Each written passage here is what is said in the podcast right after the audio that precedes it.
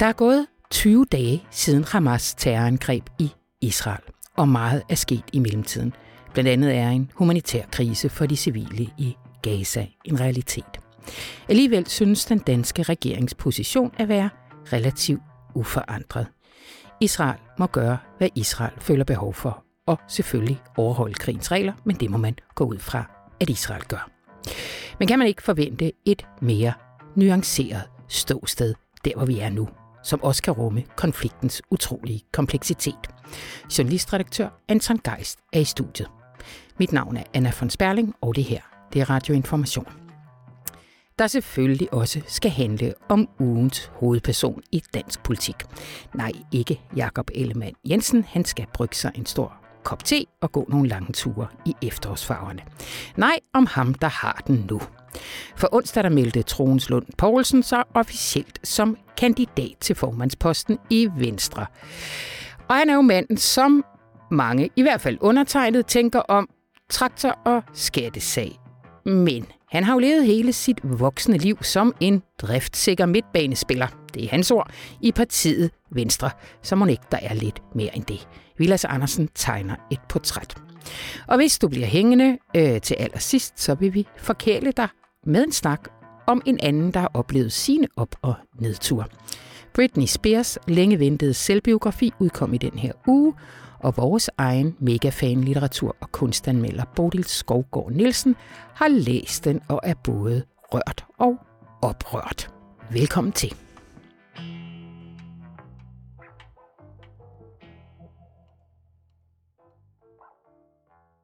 Onsdag meldte Troels Lund Poulsen officielt sit kandidatur til formandsposten i Venstre. Og han agter at fortsætte den politiske linje, som Jakob Ellemann Jensen lagde. Men hvad er det, han kan, der skulle øge chancen for, at det med ham ved roret kunne blive en succes? Hej, Vilas Andersen. Goddag.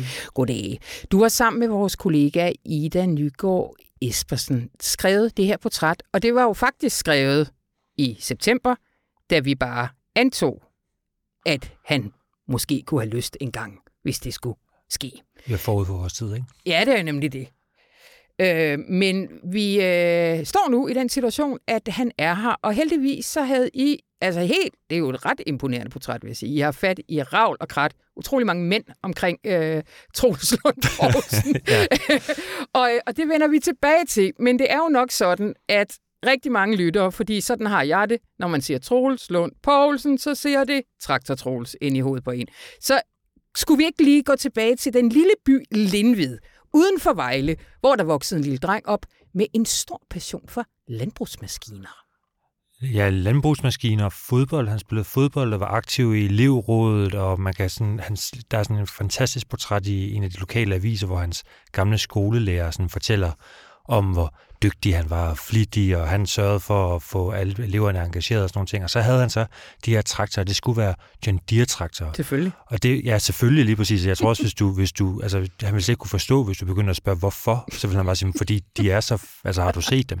ja. Og det er jo stadigvæk sådan i dag, at han viser dem frem, han fortæller meget glad om den, så vidt kunne stå på vores kilder i øh, ministerierne, når det nærmer sig høsten, øh, og har fået lavet sådan en lade, hvor han har dem stående på ræde række det var også sådan under de indledende forhandlinger til det, der så blev den her øh, brede regering, er der en historie om, at, at Venstre og Socialdemokratiet, de skal jo finde fælles fodslag efter at have været op ad toppes, må man jo sige, i mange år, og også under valgkampen.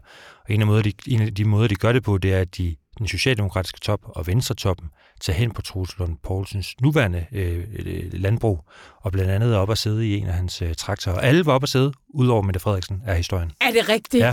Nej, nej, nej. Hun skal, hun skal have et uh, kampfly. Hun skal have et kampfly, ikke? Præcis. Og en Zelensky. ja.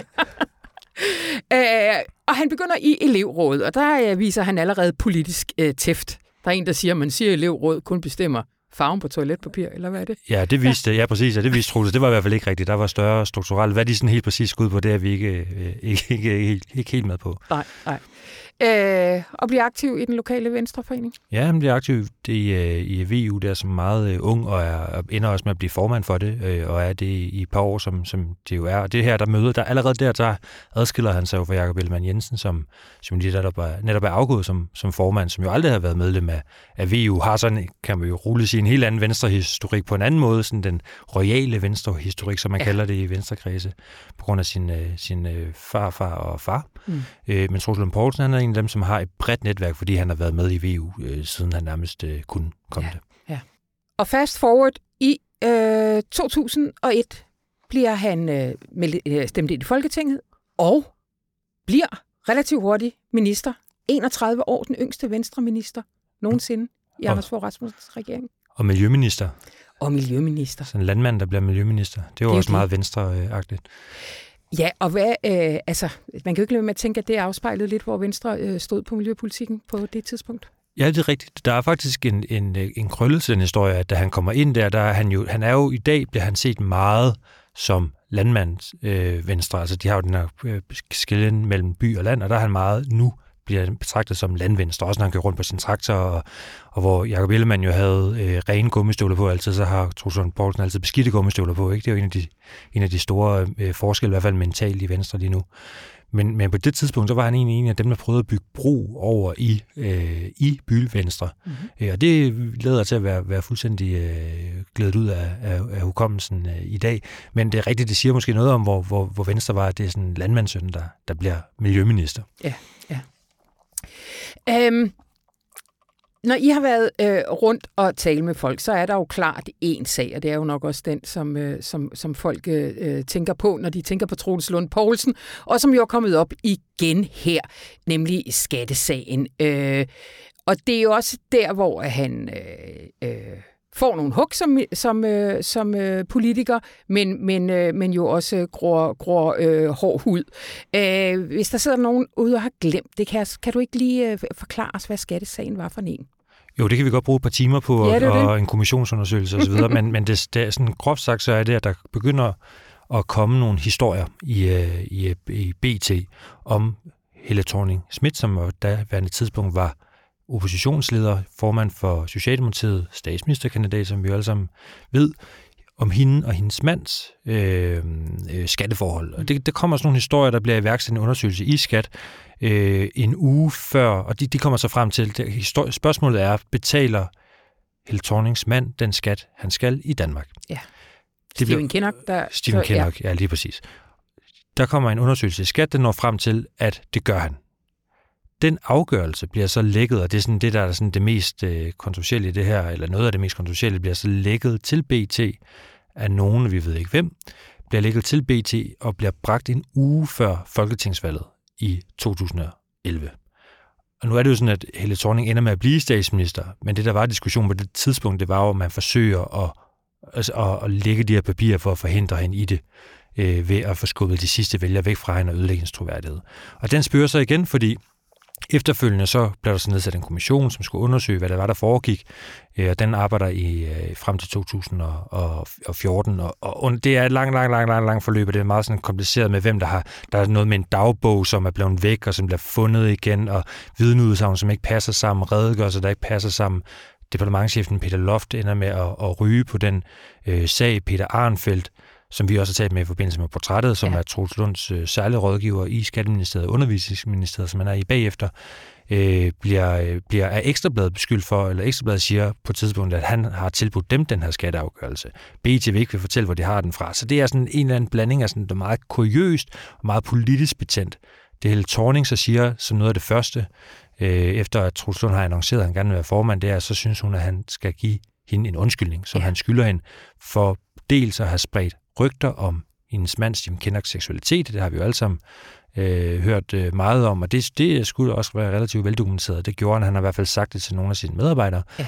Øhm, og så dels, at hun mener, at han var dybt involveret i sagen. Ja.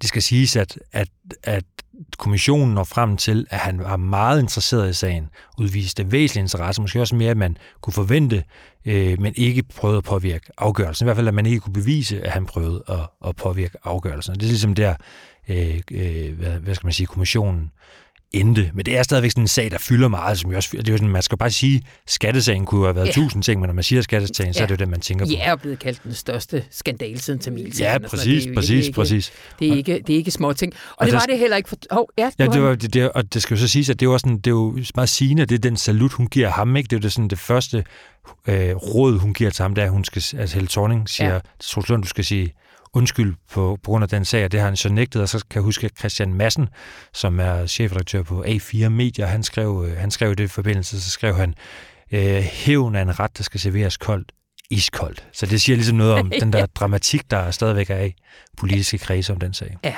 ja.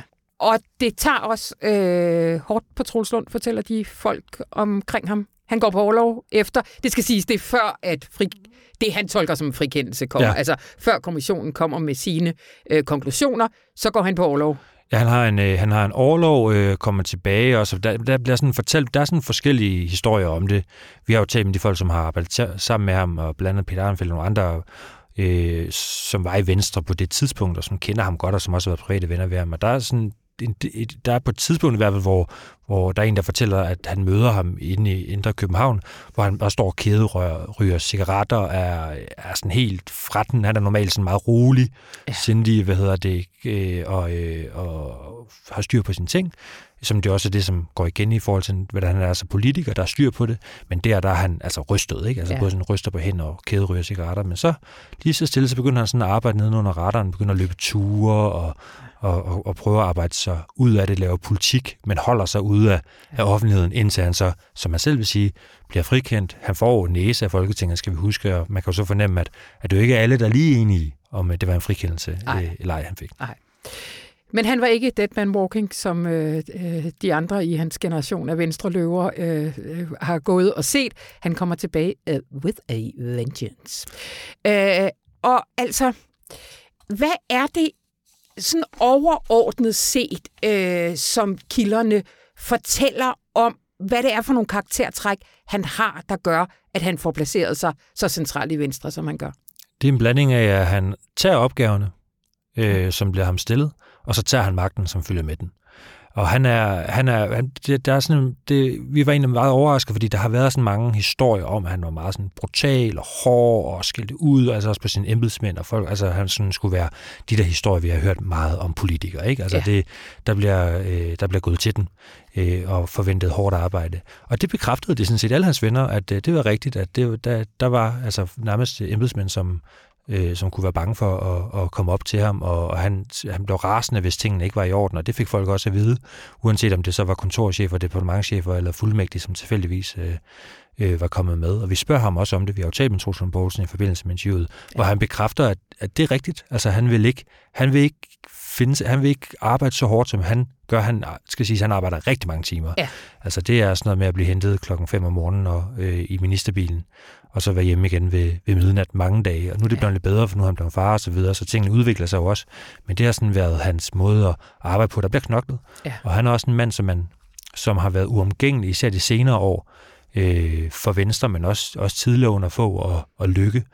Øh, man, de beskriver ham som ham og Lykke, som han vender det til fælles, at de kan udvikle politik. Ja. Altså, det er nogle af dem, som, som altid, når der skulle udvikles ny venstrepolitik, om det så var valgkampsoplæg eller hvad det var, så var, det, var han en af dem, som, øh, som skulle ind over, som kunne finde ud af det. Ja, ja. Men altså, igen viser flere af jeres kilder også tilbage til, til, til den erfaring, han fik fra, fra skattesagen. Ja, det, så blev han endnu mere. Altså, det gjorde det endnu... Altså, han var i forvejen meget nidkær, ikke? Og ja. så blev det endnu værre ja. øh, efter den her skattesag. Vi har, vi har talt med flere øh, folk, som, som jo har arbejdet tæt sammen med ham, blandt andet med Jakob Brun, som var lykkes særlig rådgiver i en periode, men som også har kendt Troels Lund i mange år og arbejdet tæt sammen med ham, fordi han har arbejdet mange år i Venstre. Øh, og han sagde, sagde det meget sigende, så jeg læser det lige op, sådan citatet her, om den tid i øh, skattesagen. Så sagde han, citat, Troels følte sig sendt helt ud i mørket. Telefonen ringede ikke, folk rakte ikke ud og kom ikke forbi. Jeg ringede heller ikke til ham. Politik er hårdt, når der bliver stille, så bliver der helt stille. Mm. Og det betyder også, at kommer også til at betyde det, at Troels Lund fandt ud af, hvem er det, jeg kan stole på her? Ja. Hvem er det, der er der for mig, når de ikke kun skal bruge mig øh, til noget? Men det betyder også, at han fik ret stor sympati for andre i lignende situationer. Han kunne for eksempel forstå, når Lars Lykke han var i, i voldsom stormvær, som han jo mildest har været mange gange, så var Troels altid lojal over for ham, og det er vice versa, ved vi. Altså, det er også en ting, som Lars Lykke har fremhævet ved Troels Poulsen mange gange. Han, da han overtog Erhvervs- og Vækstministeriet, overtog han det jo fra, fra Henrik Sass Larsen, som jo også har været ude i, et, øh, i noget af et stormvær. Øh, og der var der, så er der en af, en af vores kilder, som har arbejdet for ham, som beskriver det som om, at der var sådan en særlig bånd mellem dem. Som om sådan, sådan lidt sådan et skyttegravs, eller vi har været krig frontbånd mellem de to politikere. Ja. Sådan, du ved, hvad jeg taler om, når jeg siger, at politik er hårdt. Det er ikke kun øh, for sjov. Så han blev hærdet af det der. Og det er jo sådan lidt, at hvis du enten, når du kommer igennem sådan en stormvær, så kommer du enten ikke igennem. Ja. Altså, så er du færdig. Ja. Og hvis du kommer ud på den anden side, ikke jeg vil sige, at det gør dig stærkere, fordi det er jo måske også lidt noget, noget sludder, men så har du i hvert fald en erfaring, som alle kan læse om, alle måske kan prøve at forestille sig, men som jeg tror, vi bliver nødt til at sige, man ikke kan forestille sig, hvad mindre, eller forstå rigtigt, ja. hvad mindre man ja. har været igennem det. Ja. Ja. Jeg synes, det var sjovt. Jeg glemte lige der, det du sagde før med, med at, at han kunne blive anset som sådan lidt hård og sådan noget. Øh, I, I spørger ham også til det, og så siger han det der, virkelig sådan en, en ny sådan politikerform at sige ting, ja, folk kan slå sig på mig. Ja, ja. Jeg synes ja, det er de andre, der slår sig på ham. Det er de andre, der slår sig på ham. Der er ligesom ikke nogen, der længere slår i politik, men de må da holde op med at gå rundt og hoppe ind i hinanden. Ja, og sådan, det er øh. siger til, når man, når, man er, når man er så hård, ikke? Altså, ja. så skal folk jo også holde op med at hoppe ind i en. Ikke? Altså, det er jo rigtigt. Øh, men I taler også med kilder, der siger, han er faktisk vældig lun. Ja, ja, ja, vi taler Peter Arnfeldt, han synes i hvert fald, at han er, han er, han er utrolig sjov, men siger han så, øh, vi, skal, og vi sidder jo herinde på Storkongensgade og ringer øh, til ham fra, fra København, så siger han, det er sådan en humor, som jeres læsere ikke forstår. Det er ah. det der ah. plat. Og det kunne man selvfølgelig sige, det er måske bare sådan lidt øh, for sjov sagt, men han uddyber det så og forklarer, at Troels Poulsen har en humor, som også kan blive opfattet forkert. Altså, den er meget sarkastisk, den er sådan, altså han sætter lidt pis på folk, øh, og, og er sådan meget sort humor, som han, som han beskriver det. Så den er Troels Poulsen også meget opmærksom på, øh, kan blive misforstået, og ah. derfor skal man jo passe på med at bruge den i, i offentligheden. Det kan man jo også godt forstå. Ja, men det er jo nødvendigvis en balance, han må blive nødt til at blive øh, kastet lidt mere ud i at finde nu, fordi det, der jo også har været gennemgående her i de her dage, efter han har meldt sit ikke så overraskende kandidatur, det er jo det her med, altså nok så meget han kan inde på Christiansborg, øh, vi har heller ikke været omkring, han er jo også en fremragende forhandler og sådan noget. Han kan alt det der, men øh, vi er jo lige vidt, hvis han ikke kan sælge billetter. Præcis. Altså det her med, om han øh, på nogen måde kan vende Venstres nedtur i forhold til at øh, udvikle en eller anden form for øh, vælgertække. Ja, og det er jo, altså han har fået utrolig dårligt valg. Yeah. Altså, han, er, han, kan simpelthen, han, altså, han er ikke en, en, øh, en stemmemagnet på nogen måde. Nej. Øhm, så det er jo sådan det ene. Det andet er, at vi har sådan flere, som fortæller, at det der med sociale medier, for eksempel, yeah. det skal han tvinges til. Altså, det ja. er ikke sådan noget, han gør af sig selv overhovedet. Der, han er blevet, men det er også en ting, de siger, at han er blevet bedre til. Måske i takt med, at han også har forstået, det siger han også til os, at han har forstået, at det, at det er så en del af det at være moderne politiker. Han siger på et tidspunkt, øh, øh da vi taler med ham, at han ville måske have egnet sig bedre til at være politiker i 60'erne. Ja. Yeah. Han er lidt gammeldags, og han synes ikke, det er ikke fordi, han synes, det er noget pjat, han, han synes bare ikke, det er det, der er vigtigt. Men han kan også godt se, at det er vigtigt. Så det, så det, er den der, det forekommer ham ikke naturligt mm. øh, at gøre. Og det er jo rigtigt, det bliver jo så udfordring, hvis han skal tegne partiet. Fordi indtil videre har han jo, så vidt vi kan forstå, øh, på alle de kloge politiske kommentatorer, og også på internt i Venstre, så har han jo fået lov at bestemme, ja. men ikke været ansigt udad til, og ikke båret øh, det ansvaret ultimativt. Og det skal han jo så nu. Så nu skal han også tage alle tæskene, og ikke kun ja. øh, al magten. Ja. Ja, fordi et er, der er flere kilder, der sammenligner ham øh, med Lykke, når det kommer til politikudvikling, men der er jo også mange, der sammenligner ham med Claus Hjort Frederiksen, den evige toer, altså den her øh, klippe inde i partiet, øh, som så aldrig blev andet end toer, men nu skal Troels Lund være etter. Altså, øh, er, er det din fornemmelse, når du har talt med folk og sådan noget, har det været hans mål, eller var han en komfortabel, han kalder sig selv en midtbanespiller? Ja, det har i hvert fald været i mange år været hans fortælling, at han, ja. ikke, han vil ikke have den ultimative post, altså han vil ikke have formandsposten. Øh, han vil altid gerne, men han vil altid gerne have magt, jo, han vil altid gerne have indflydelse, Præcis. men han, han, han havde ligesom forlidet sig med, at han var, var to, og det passede ham sådan set, apropos den her idé om ikke at være så meget i offentligheden, har han sikkert passet ham rigtig godt, og man kan også sige, at der er en af vores kilder, der siger det meget rammende, siger, at det, at Truls Poulsen overhovedet kan komme i spil som en mulig formand, siger alt om den krise, Venstre er i. Ja. Så han er den stærke mand i svag parti, som vi har kaldt øh, portrættet, og det er Jacob Brun, der blandt andet siger, at, at man, det ville være umuligt at forestille sig sådan en som Troels Lund være et formandsemne i et stærkt Venstre. Ikke fordi han ikke er dygtig, for det er han, men han er dygtig til nogle andre ting. Ja, det er jo det. Det er jo det. Øh, det er noget, næsten hvad vi nåede, men, men lige, jeg fik sådan lidt dårlig samvittighed over, at jeg startede med den der traktor Troels, fordi man skal også have lov til ikke at øh, hænge ved sin øh, øgenavn hele livet. Men så læste jeg heldigvis i jeres interview, at han også godt kan lide at give andre øgenavn. Ja, han har jo flere øgenavn selv også. Han har jo Traktor Troels og Trolex, skal vi lige huske. Trolex, også? gud ja! Trolex, den glemmer man nogle gange. Ja, hvad, hvad mener altså, det? det? Meget kort fortalt, så modtog han imod et ur på en uh, rejse som minister fra Katar, for nogle forretningsmænd, som, som nogen mente, at det burde han nok have afvist, og han selv sagde, at der er mange politikere, der har taget mod de uger. Han havde betalt både øh, 12 og moms og alt muligt af det, så det, det gad han ikke undskyld for, men det blev så senere dog øh, afleveret tilbage. Men det var Rolex-ur, tror jeg, Ja. øh, og så blev han jo så kaldt Trolex, så det giver jo Ja. meget god mening. Så han har fået sin egen øgenavn, og så har han så også været god til at give andre mennesker øh, øgenavn, og vi fik at vide, da vi talte med de der kilder, det er altså jo noget, vi har læst os til, for det var der ingen af de der kilder, der ville. Bekræft. Nej, rigtigt. Jo, de sagde bare, det er jo rigtigt, det er jo bekræftet, det har stået mange steder, men det er han også lidt ked af, at det er blevet kendt. Men det han, ja. det er jo blandt andet, øh, ja, Anders øh, Fogh Rasmussen kaldte han computer med ører, altså, og, øh, og øh, Claus Hjort Frederiksen blev kaldt riddersportmanden, fordi han engang åbenbart efter sine til et VU-arrangement, dengang Troels Lund Poulsen var VU-formand, havde øh, tømt hele det der VU-lager for, for riddersport. Godt. Øh, ja, jamen, øh, øh, tusind tak, Vilas Andersen. Det var, hvad vi nåede. det var svært lige at finde en afslutning på.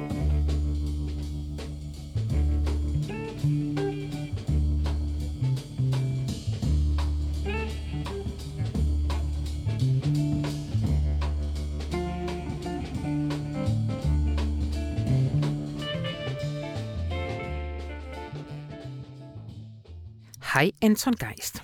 Hej, hej. Du er optursvikar. Ja, det kan jeg forstå. Ja, præcis. Og øh, jeg har ikke gjort det nemt for dig, fordi jeg øh, skrev både til dig, øh, vil du tage Runes optur, og jeg vil gerne kunne tænke mig, hvis vi kunne snakke om Gaza og dansk politik. Ja, Så det du med blev sat- opturen sagde du endda først, da jeg kom herned. Er det rigtigt? Ja, ja. Ej. Strid, strid arbejdsvilkår, Ja, men hårdt. øh, du kan tage det. Ja. Fordi der er faktisk noget, du synes var lidt optursagtigt. Ja, øh, vi må nok sige, at i øh, Israel-Gaza-konflikten er der ikke meget optur og rigtig meget nedtur. Det må man sige. Øh, det går jo ikke godt. Øh, det startede helt forfærdeligt, og det er også øh, fortsat med at være slemt, synes jeg. Øhm, men øh, jeg synes alligevel, hvis man skulle pege på noget, der er jo ting i debatten, som jeg godt kan ærge mig over. Jeg synes, den er blevet meget polariseret og meget sådan øh, sort-hvid. Øh, men så er der jo alligevel nogle besindige stemmer. Mhm. Øh, og der øh, synes jeg blandt andre nogle af dem, man godt kunne have optur over. Det er de unge danske jøder, der har skrevet et åbent brev til regeringen i Dagbladet Politikken. Øh, og der skriver de om, at eller de kritiserer øh, i det her åbne brev regeringen for ikke at fordømme det, de mener er Israels krigsforbrydelser. Øh, de skriver, at øh, selvfølgelig øh, er de jo fuldstændig forfærdet over øh, terrorattentatet mod Israel.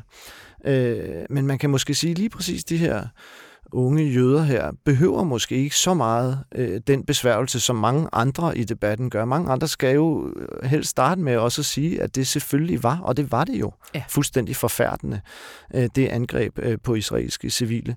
Øh, men lige præcis de her er jo nogen, som kender nogen, skriver de om, og har familie og så videre, der er berørt af alt det her. Øh, og lige præcis, de kan, har jo en, måske en, virkelig en lidt bedre position til at kritisere både Israel og kritiserer den danske øh, støtte til Israel, Mm. eller den manglende i hvert fald kritik, mener de af Israel. Mm. Og det synes jeg skulle er optur simpelthen. Ja. Øhm, altså de skriver øh, om, at når de læser om det her med Gaza, et område på, på størrelse med den danske ø Mors, øh, når det på en uge bliver udsat for over 6.000 bombeangreb, øh, og når læger uden grænser melder, at de er løbet tør for smertestillende medicin og ikke har adgang til mere medicin, øh, befolkningen ikke har adgang til rent vand og sådan noget, så er det for dem at se øh, brud på krigens regler og på basale menneskerettigheder, og det kritiserer de så, og de kritiserer altså især den danske regering ja. for ikke at kritisere det. Det ja. synes jeg, der er optur. Ja, det er det. Og det er jo også en lidt synes jeg nok kritisabel position, øh, den danske regering indtager. Altså, øh, støtten til Israel er jo meget naturlig i starten af det her forløb. Alle øh, demokratiske regeringer må jo støtte et land, øh, der som Israel bliver udsat for det, de blev udsat for. Øh, men jeg synes også, det er nærliggende, at et land som Danmark godt kunne gå kritisk til den måde, øh, Israel nu øh, bombarderer Gaza og... Øh, øh, afskære befolkningen fra adgang til elektricitet og brændstof og rent vand og så videre. Øh, og det ser man jo ikke Danmark gøre. Jeg tror ikke, Mette Frederiksen har straks så længere end til at sige, at Israel selvfølgelig skal overholde krigens love, øh, men at det går hun også ud fra, at Israel gør. Ja. Og det der er jo øh, meget, der tyder på, at Israel måske ikke gør øh, fuldstændig, det er jo i hvert fald noget, som folk, der har forstand på det her, øh, mener ikke helt er tilfældet. Ja. Ja, fordi har der, du siger jo øh, meget rigtigt, at, at, at det er klart, at lige efter, altså der er en, altså det fuldstændig brutale angreb betyder selvfølgelig, at der er en eller anden øh, naturlig periode, hvor at man også som statsminister går ud fuldstændig entydigt og fordømmer det. Det var nok også det, der gik galt med TV2-journalisten, der ude foran den israelske ambassade, spurgte hende til, om hun ville gøre det samme hos palæstinenserne. Ja. Der var ligesom, nu synes hun, hun var der, og lad os koncentrere os om det. Men nu er der jo så alligevel gået noget tid, og der er også gået noget tid, som bliver ved med, altså hver eneste minut, vi taler, at koste civile øh, liv og yeah. lidelser i, øh, i Gaza. Så regeringens position vil også naturligt lidt skulle udvikle sig på ja, det, det skulle man jo mene. Altså, det er jo meget, meget høje øh, dødstal, der er i Gaza. Altså, nu er det jo en lille smule omdiskuteret, for det er jo øh, dødstal, som vi får fra Hamas. Ja. Øh, og der er diskussion om, hvor troværdige er de. Der har egentlig været øh, rimelig højt tiltro til de her tal, øh, men Biden har jo øh, blandt andet for nylig øh, ytret en skepsis omkring den. Men der er jo ikke nogen tvivl om, at der er høje dødstal, selvom vi nok ikke kan sige præcis, hvor høje de er. Øh, og der er jo ikke nogen tvivl om, at det forhold, at du øh, afskærer befolkningen fra øh, nødhjælp på den måde, som han gjort, man har gjort, det er jo, synes jeg, helt åbenlyst øh, kritisabelt. Øh, og det er jo også klart, at der må også være en grænse for, hvor meget du kan bombardere et så tæt befolket område, øh, og, og fortsat mene, at du overholder krigens øh, regler. Og det er jo ikke noget, vi endnu kan sige noget ret præcist om, men på et eller andet tidspunkt må der jo må man jo begynde at se på, var det så proportionelt, som man siger inden for den her del ja. af juraen? Var det så, altså var det okay, at der var så høje civile dødstal, fordi der altså var nogle militære mål, der skulle rammes, sådan som Israel argumenterer med. Det er jo noget, rigtig mange er rigtig skeptiske overfor. Ja. Ja, fordi det fyrer også meget om sig med, med begreber, som, øh, som jo er af, af juridisk karakter, mm. når man siger krigens regler. For eksempel, når statsministeren siger mm. krigens regler. Altså, og det har vi jo beskæftiget os en del med. Ja. Øh, også, altså, også specifikt i forhold til Gaza, for det er jo ikke, øh, bestemt ikke første gang, mm. at Israel bomber i Gaza. Altså, hvad er det, der gælder for krigens regler, når man bomber i sådan et øh, tæt befolket område som det her? Jamen noget af det, som mange måske ikke helt havde forstået i starten, er, at det er jo ikke sådan, at du der ikke må dø civile. Nej. Altså det må der jo godt i en krig, og det gør der jo. Øh, det, der er afgørende, er, at du har et militært mål for øje. Og det, der også er afgørende, det er, det, det jurister kalder proportionalt. Altså at... Øh, at, at, at, det, at, at det, du får ud af det, ligesom står mål med omkostningerne, kan man måske i virkeligheden ja. sige. Ikke? Og der findes jo ikke en eller anden formel, som siger, så og så mange civile må der dø, øh, når du bomber øh, Hamas. Mm. Øh, det, det er jo en lidt blød del af juraen faktisk, hvor man skal ind og foretage den type vurderinger, og det er jo nogle vurderinger, som er meget svære at foretage live, ja. og som typisk bliver foretaget efterfølgende. Og så er der jo så hele det her spørgsmål om, hvordan kan man så holde folk sådan accountable, øh, fordi Israel er jo ikke medlem af ICC, altså den internationale øh, øh, domstol, som varetager alt sådan noget her. Så, så der, der er jo, det er jo ikke specielt sandsynligt, at det er noget, man vil kunne retsforfølge i virkeligheden, det her, men der vil jo være nogle undersøgelser og nogle vurderinger efterfølgende af, om det var proportionalt. Ja. Øh, og der kan man jo sige, der vil der jo nok være nogle af de her rigtig, rigtig mange bomber, som ikke øh, var helt inden for reglerne. Det vil jeg ja, tro. Ja. ja, Øh, men selvom de ikke kan retsforfølges, så kan der lægges politisk pres, fordi til gengæld har vi jo meget, meget nære øh, relationer, både øh, politisk, diplomatisk, økonomisk til øh, Israel. Og det, der er jo helt konkret lige nu, det er jo snak om våbenhvile. Altså, og hvor at den amerikanske position øh, indtil videre i hvert fald er, at, at, at det, det kan der ikke blive tale om at lægge pres på Israel i forhold til, før gislerne er frigivet. Det har vel også været den danske regerings... Øh, Ja, ja, altså den danske regering øh, lægger ikke noget pres på Israel, Nej. kan man sige. Altså det er ikke det, det, det er ude på venstrefløjen, at det sker, at man øh, at man kræver en øh, at man kræver en våbenhvile. Altså den danske regering nøjes som sagt med at sige, at Israel skal overholde øh, krigens love.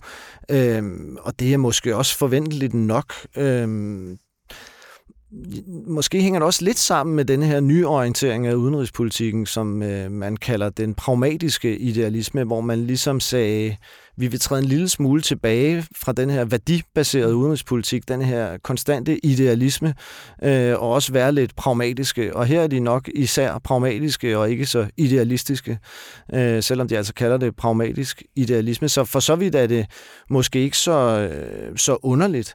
Øh, men tilbage til, til det her med mm. våbenhvilen der.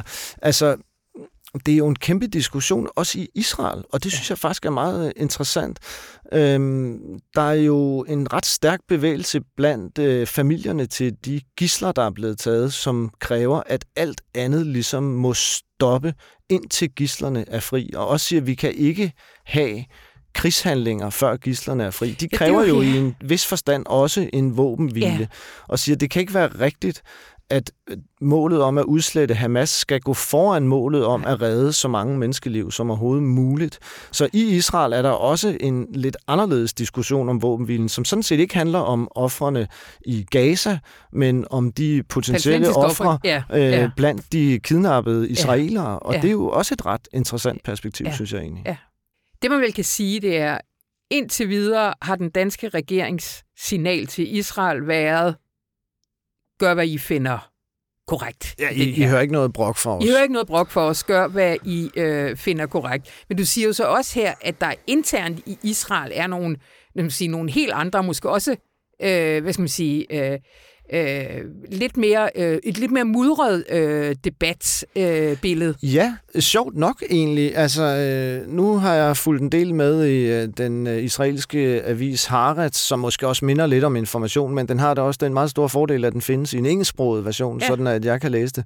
Og der er der altså en øh, meget, meget åbenhjertig debat og en meget hård kritik af Netanyahu-regeringen, øh, Likud og så videre, øhm, og øh, også en øh, kritik, der går på, at øh, Israel øh, i høj grad er bebrejdet for det her, for, på grund af alt det, man har gjort ved palæstinenserne, og alt sådan noget, som er mere kontroversielt, øh, sådan set måske at sige lige nu, i andre dele af, af, af verden. Ja. Øhm, hvad hedder det? Så der er en ret livlig debat i Israel, og det er jo egentlig imponerende, fordi det er jo en befolkning, der er blevet ramt af et helt forfærdeligt terrorangreb. Øhm, og jeg kom til at tænke på øh, ham, den øh, jødiske øh, historieprofessor Joval Noah Harari, som er sådan meget kendt for store bestsellerbøger, han har skrevet. Han har sådan turneret rundt i, øh, i internationale medier på det seneste og sagt, at vi er blevet ramt af et angreb, der er så slemt, at vi er i Israel ikke rigtig i stand til at se nuanceret øh, på denne her sag. Øh, fordi sådan er det, når man er offer for sådan noget her. Min påstand vil så være, at jeg synes faktisk nok, at de er i stand til at se mm. relativt nuanceret på det i Israel. Der er en ret livlig i hvert fald debat, som sagt, i Israel. Men han siger altså, vi bliver nødt til at bede jer om i udlandet, at se nuanceret på det her. I må udvise et mm. intellektuelt niveau, som er højt nok til at sige, det er ikke bare et spørgsmål om, at nu skal have masse smadret. Nu skal vi, øh, nu, nu, nu skal vi også se på nuancerne i det her. Vi skal også se, prøve at se det fra den anden side og alt sådan noget. Den appel, kan man sige, han sender ud i verdenssamfundet. Og der synes jeg jo så, en regering som den danske må spørge sig selv, gør vi så det? Øh, er vi gode nok til at se nuanceret og med et vist intellektuelt niveau på det her? Der vil min påstand være, at det er vi nok ikke helt. Altså, jeg synes ikke, jeg synes ikke, at øh, den danske regeringsposition er så nuanceret igen. Altså, jeg synes godt, man kunne hæve sig lidt op over at sige, at øh, selvfølgelig skal Israel øh, følge krigens regler, og det gør vi ikke rigtigt. Man kunne godt sige noget om, at vi frygter, at det her det begynder at være brud på øh, folkeretten, når man altså øh, barrikaderer Gaza på den måde, som man gør, mm. og når man sender så mange raketter ind, og så mange civile dør og altså noget. Ikke? Mm. Men det afholder man altså, at man så altså fra at udvise ikke, synes jeg, helt det intellektuelle niveau, som sådan en som ham Harari efterspørger. Ikke? Ja. Anton Geist, tusind tak. Det var vi nået. Selv tak.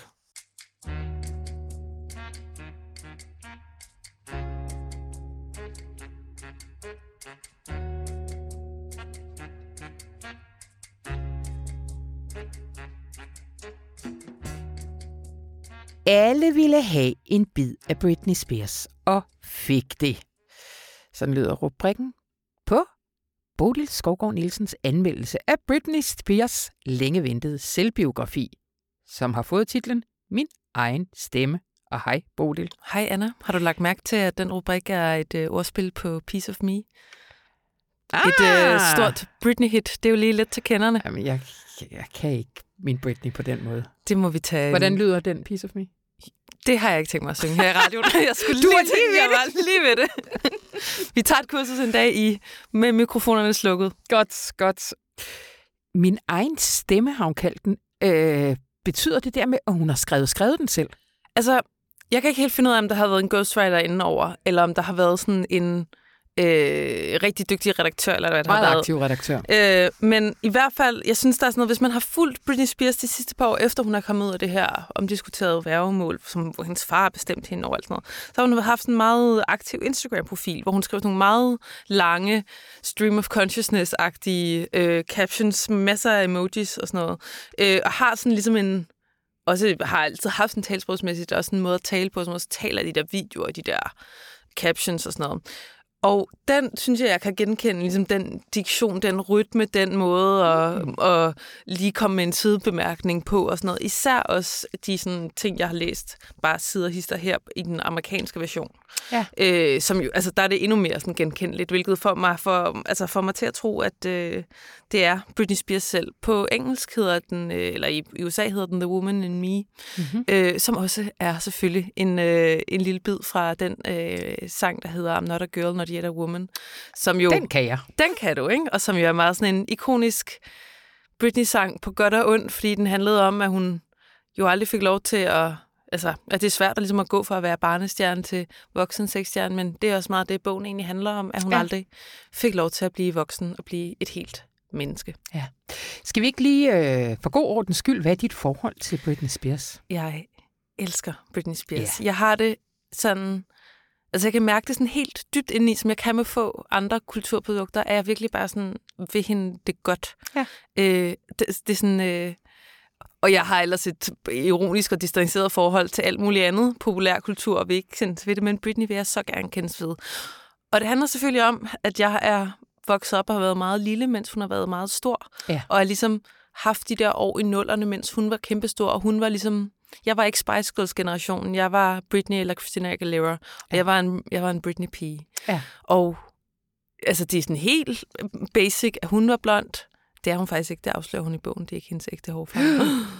øh, men jeg var et blond. Ja. Øh, jeg kan huske, at jeg fik et par bukser, som, og jeg var Britney-fan, som man hørte på den der sådan bare, er der ikke, altså, jeg sådan, synger børneengelsk og sådan noget, ikke? Ja. Og, øh, og havde dem på, min mor sagde, ja, det er et par rigtige Britney-bukser, og jeg var så stolt. Ja. Altså, øh, og jeg har været meget, øh, jeg kan huske skuffelsen over, da hun barberede sig skaldet. Igen det her uskyldstab, altså håret betyder ja, ja, så meget. Det skriver hun faktisk også om i bogen, hvilket er sådan ret interessant. Altså, ja, bare sådan håret kulturelt, altså alt skal det dækkes til, skal det være løs, flagrende, hvilken farve har det, alt det der, vi tillægger hår. Men jeg husker den der gang, hun barberede sig skaldet, og den, jeg kunne ikke holde det ud. Jeg måtte lægge afstand til hende, fuldt slet ikke med i, hvad hun lavede længere, fordi det var for voldsomt. Er jævn? Nej, nej, nej, er, nej, nej, hun er fra 81, og ja. jeg er fra 95, hun er 15 ja. år eller ja, ja, ja, ja. Så det passer lige det passer, med sådan noget, ja. at man begynder at få sådan en, en børnebevidsthed om, altså da hun bryder sådan 1920, ikke? Ja. jeg er fem år gammel, så begynder man at have den der alder, hvor man kigger op til ja. de store og prøver at forestille sig, ja.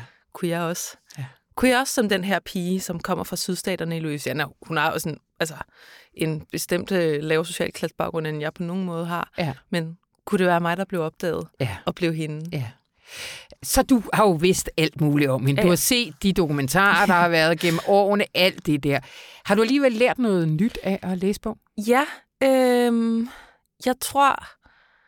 Jeg kan jo ikke øh, kunne se mig fra også at være blandt de der fans, som har altså med øjnene et paparazzi-billeder af hende, og mm. tænkt, hvad er det, der foregår med den der Instagram nu, hvor du er blevet fri? Øh, og øh, hvad er det egentlig, der foregår? Er hun ikke, øh, er, det ikke lidt, er hun ikke lidt småskør og sådan noget? Det ja. har det også sådan i, i, tænkt, og så har jeg tænkt, nu skal man måske bare lige lade hende være, eller være med at sådan spekulere for meget over det. Så har jeg været meget sådan... Øh, jeg har været ret rørt over den her bog, fordi den er så sorgfuld. Ja. Og fordi det ikke er en stemning, jeg tror, vi normalt forbinder med Britney Spears. Så er der noget sådan tragik og storhed og fald. Men sådan sorg og svigt over en, en far, der er alkoholiker, og hun beskriver Altså sådan en opvækst med svigt i familien, og en far, der kommer fra den der, i sådan en familie, hvor der er selvmord i familien, der er andre misbrugsproblemer og kontrol. Altså sådan en helt, øh, altså sådan nogle ting, der går i arv og mm. alt muligt. Og så, så det svigt, hun også oplever, når hun, hun ligesom bliver en kæmpe stjerne af både sin familie, der heller ikke rigtig ved, hvordan man håndterer berømmelse og penge og alt sådan noget af en branche. Og, og den måde, hun reflekterer over sin egen rolle, og sin egen, sin egne mm, udfordringer og problemer, alt det, hun har mistet. Øh, altså simpelthen den bevidsthed om, jeg, jeg blev barnlig af at være i det der værgemål, skriver hun om. Du, nu har ja. du nævnt værgemål ja. nogle gange. Hvis man sad derude og tænkte, hvad, hvad var for et mål? ja, kan du lige... da hun efter har sådan et meget øh, overdokumenteret øh, psykisk sammenbrud i 0, hun har også lige fået to børn, det er 2007-2008, hun har en fødselsdepression, skrev hun også om i bogen. Der bliver hun øh, underlagt, øh, sådan der blev hun umyndiggjort. Mm. Sådan noget man som regel, hvis du har, hvis du for eksempel, lad os sige, er blevet erklæret hjernedød, eller er meget, har meget slem demens, eller sådan noget. Ikke? Ja. Øhm, og hun er i sådan en krise, hun tror, det skal være midlertidigt, at hendes far skal bestyre hendes økonomi. Det ender med at blive permanent og vare i 13 år. Og det er altså ikke bare hendes økonomiske forhold, det er alt. Ja. Hun må ikke køre bil, hun må ikke øh, bestemme ikke selv, hvad hun må spise, hvis hun øh, altså, hun må ikke drikke alle, hun bestemmer ikke selv, hvem hun, hun ser. Hun beskriver sådan noget, hun må godt se lidt nogle mennesker, men så skal der nogen ind og gennemsøge deres hus, før hun kommer. Øh, og så kan hun godt mærke, at folk synes, det er fint, når hun går, for så starter festen faktisk. Mm. Øh, og det er engang, altså, har ikke adgang til, bliver kontrolleret. Øh, må ikke selv bestemme, om hun vil bruge prævention eller ej, har en spiral op, hun ikke, øh, hun ikke selv må få ud. Hun har ikke et misbrug, men bliver sendt på afvendingsklinikker, hvis hun gør oprør, bliver afskåret for sine to små børn, hvis hun forsøger at udfordre den her konstruktion.